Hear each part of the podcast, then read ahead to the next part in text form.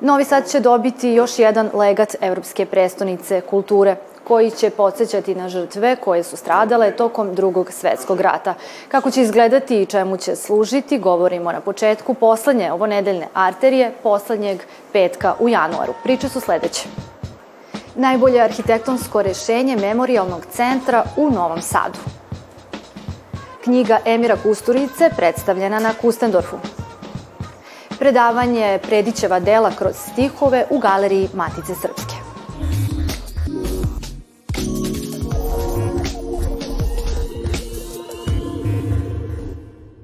Najznačajniji memorialni projekat Novog Sada jedan je od legata koji će trajati i posle Evropske prestonice kulture.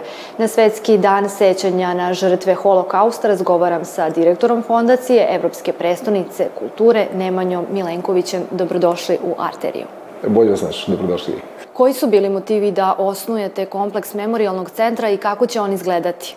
Inicijativa je mnogostruka, dakle, pre svega grada Novog Sada, eparhije Bačke, jevreske opštine i svih onih ljudi koji su zainteresovani da posle 80 godina jedna priča, čini mi se nedovoljno ispričana, bude na pravi način i predstavljena. Mi smo želeli da tu priču ispričamo i kroz e, programsku knjigu s kojom smo se kandidovali 2015. još godine, 2016. kada smo pobedili i gradeći ga kroz jedan ciklus koji smo nazvali kao programski luk tvrđave mira.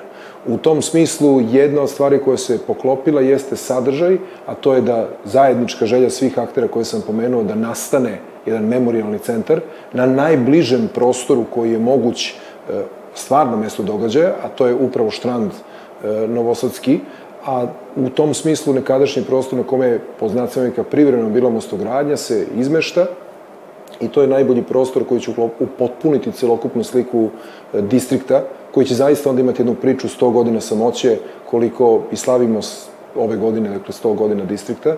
Mi ne znamo činjenice koje su se dogodile i utoliko više mislim da prostore za pričanje ove priče, kako se nikad više ne bi tako nešto ponovilo, mora, mora biti ispričano, jer u suprotnom kako ćemo graditi našu budućnost ako zaista ono što je bila prošlost ne bude na adekvatan način predstavljena budućim generacijama. U tom smislu, lokacija, dakle, Štrand već više od vek predstavlja jednu od e, najsređenijih, najznačajnijih peščanih plaža na prostoru Dunava ukupnog i u tome i jeste sva njegova suprotnost i taj oksimoron u kome na takvom jednom mestu se desio takva jedna tragedija. I nemoguće je e, na tom prostoru direktno Štranda na tako nešto napraviti, ali najbliži mogući prostor koji odvaja plažu od momenta gde su ljudi prolazili i dolazili do, do, do tog prostora, jeste upravo prostor nekadašnjeg prostora mostogradnje koja se tu smestila da bi most Slobode bio sagrađen tokom 1980. godine, a potom, posle bombardovanja 99. ponovo obnovljen. Tako da on svoju funkciju obavio i ovo je negde, kada uzmete još prostor nekadašnje fabrike braće Kramer, potom e, Petar Drapšin, dobijate taj prostor distrikta kao jedna celina koja priča tih 100 godina koliko, koliko taj prostor pamti sve to.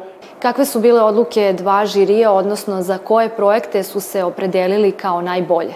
Sve ono što je stručna javnost u smislu arhitekture tražila, insistirala opravdano, a to je da je arhitektura umetnost pre svega i da u tom smislu razdvajanje i postavljanje konkursa za idejno rešenje u arhitektonskom smislu je nešto drugo od projektovanog, ajde ga nazovem, tehničkog dela i izvođenja, Jevrijske opštine, Arhiva Novog Sada i tako dalje. Mi smo dobili zaista jednu višeslojnost u izboru e, rada koji treba da se predstavi kao memorialni centar u budućnosti i čini mi se da je to pokazalo jedan fantastičan rezultat utoliko više što nemamo prvonagrađeni rad, jer se to podrazumeva, nego imamo jednu ocenu drugonagrađenog rada koji zapravo zadovoljava ono što treba da ima pobednički rad i on se tako i tretira, ali sa komentarima eminentnog stručnog žirija koje stvari treba da se dorade, izmene, usaglase da bi to konačno bilo predstavljeno kao deo daljeg raspisivanja tehničkog projektovanja memorialnog centra.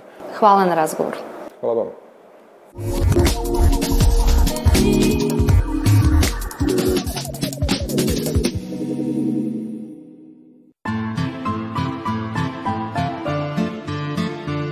Knjiga Emir Kusturica, kult margine, novinara i književnika, dobitnika Ninove nagrade Gorana Gocića, prva je o jednom jugoslovenskom sineasti koja je objavljena i na engleskom jeziku. Takođe je i jedina autorizovana među Kusturičinim biografijama, a promovisana je i u okviru 16. Kustendorfa.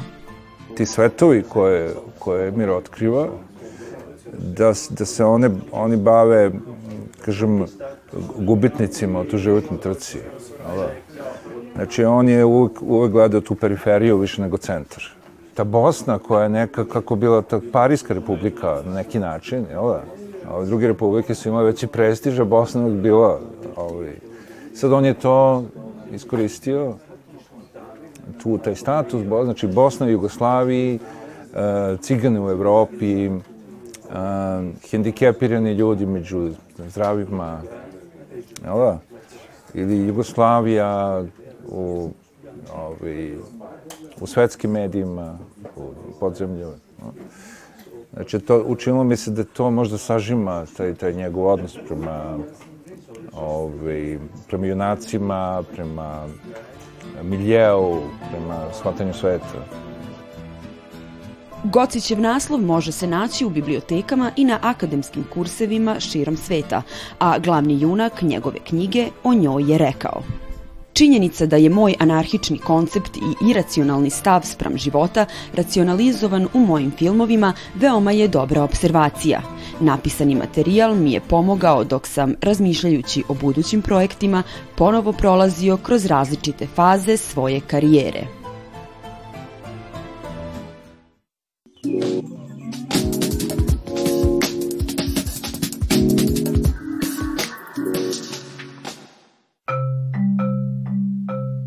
O tome da različite umetnosti inspirišu jedna drugu svedoči predavanje Predićeva dela kroz stihove autorke Milice Milošević održano u galeriji Matice Srpske u okviru izložbe Uroš Predić Život posvećen lepoti i umetnosti. Osim što je bio jedan od naših najvećih slikara, Predić je bio i pasionirani ljubitelj pisane reči. Kada je u pitanju književnost, njegovi najbliži, da kažem, prijatelji e, su bili pesnici Jovan Jovanović Zmaj e, i Laza Kostić, sa kojima je zapravo i najviše i sarađivao. Naime, sam je bio ilustrator dečeg časopisa Neven, koji je pokrenuo Jovan Jovanović Zmaj, a što se tiče Laze Kostića, sa njim se i družio, komentarisao njegov prevod e, Šekspirovog Hamleta, Predić imao sreću da je živao uporedu sa mnogim velikanima književnosti. Neki od njih su Aleksa Šantić, Branko Radičević i Anica Savić-Rebac. Na predavanju su se između ostalog spominjala i dela inspirisana poezijom Hercegovački begunci, Kosovka devojka, Nadurena devojčica, Devojka na studencu i možda jedno od najpoznatijih Predićevih dela Siroče na majčinom grobu. Naravno, ona slika koja privlači najviše pažnje kad je u pitanju uticaj pesništva na Predićevo delo jeste upravo slika e, Siroče na majčinom grobu koja je nastala e, kada je Predić bio zapravo inspirisan pesmom mađarskog pesnika Jožefa Etveša. Zainteresovane sutra sa početkom u 13 i 17 časova očekuju stručno vođenje kroz izložbu doktorke Snežane Mišić, a za one koji su propustili da posete izložbu Predićevih dela, preporučujemo da to svakako učine do 12 februara, koji je novi produženi termin trajanja postavke.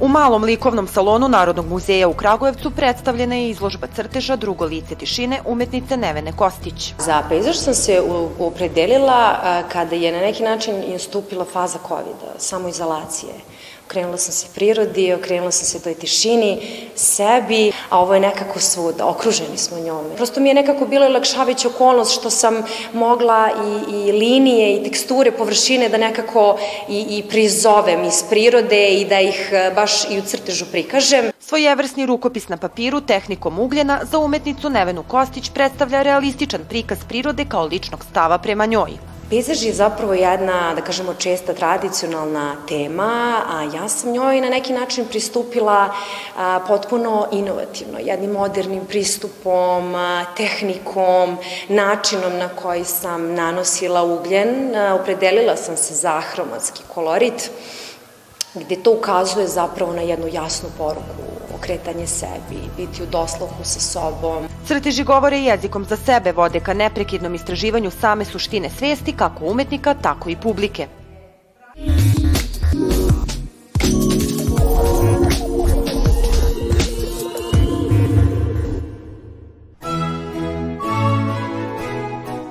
Italija proslavlja povratak 60 ukradenih arheoloških eksponata vrednih više od 20 miliona dolara, od kojih su se mnogi nalazili izloženi u Njujorškom Metropolitan muzeju pre nego što je otkriveno njihovo poreklo. Među predmetima koje su američke vlasti isporučile italijanskim partnerima nalaze se mermerna Atinina glava procenjena na 3 miliona i freske iz Herkulanuma antičkog grada u blizini Pompeja. Po mom mišljenju, ovo je neprocenjivo dostignuće. Količina sredstava koja na ovaj način postaje deo našeg kulturnog i nacionalnog nasleđa ima komercijalni efekat, ali što se mene tiče, značaj istorijskog i kulturnog aspekta za kulturni identitet naše zemlje je daleko iznad svega. Dobili smo preko 60 antikviteta od 1. do 7. veka nove ere, fragment prelepe freske iz Pompeja koja prikazuje Herkula kao dete i još mnogo lepih artefakata. U septembru prošle godine ove umetnine prodali su lopovi. Neke od njih su završile u kolekciji milionera Majkla Steinarta. Italija ima već dugo problem krađe i šverca umetničke arheološke baštine, ali karabinjeri insistiraju da su sve efikasniji u pronalaženju ukradenih predmeta. Prošle godine u Rimu je osnovan muzej vraćene umetnosti u kome su izložene statue, bokali, urne, tanjiri i kovanice iz Dioklecijanovih kupatila, nekadašnjeg najvećeg rimskog banjskog odmarališta. Sutra se navršava 17 godina od kako nas je napustio velikan pesničke reči Duško Trifunović. Sećanje na njega ustrajno iz godine u godinu neguje novosadski Prometej odlazeći na Trifunovićev grob na Ćeratu. U 17 časova biće premijerno prikazan film nazvan po čuvenom stihu Pamtite me po pjesmama mojim. Prijetno!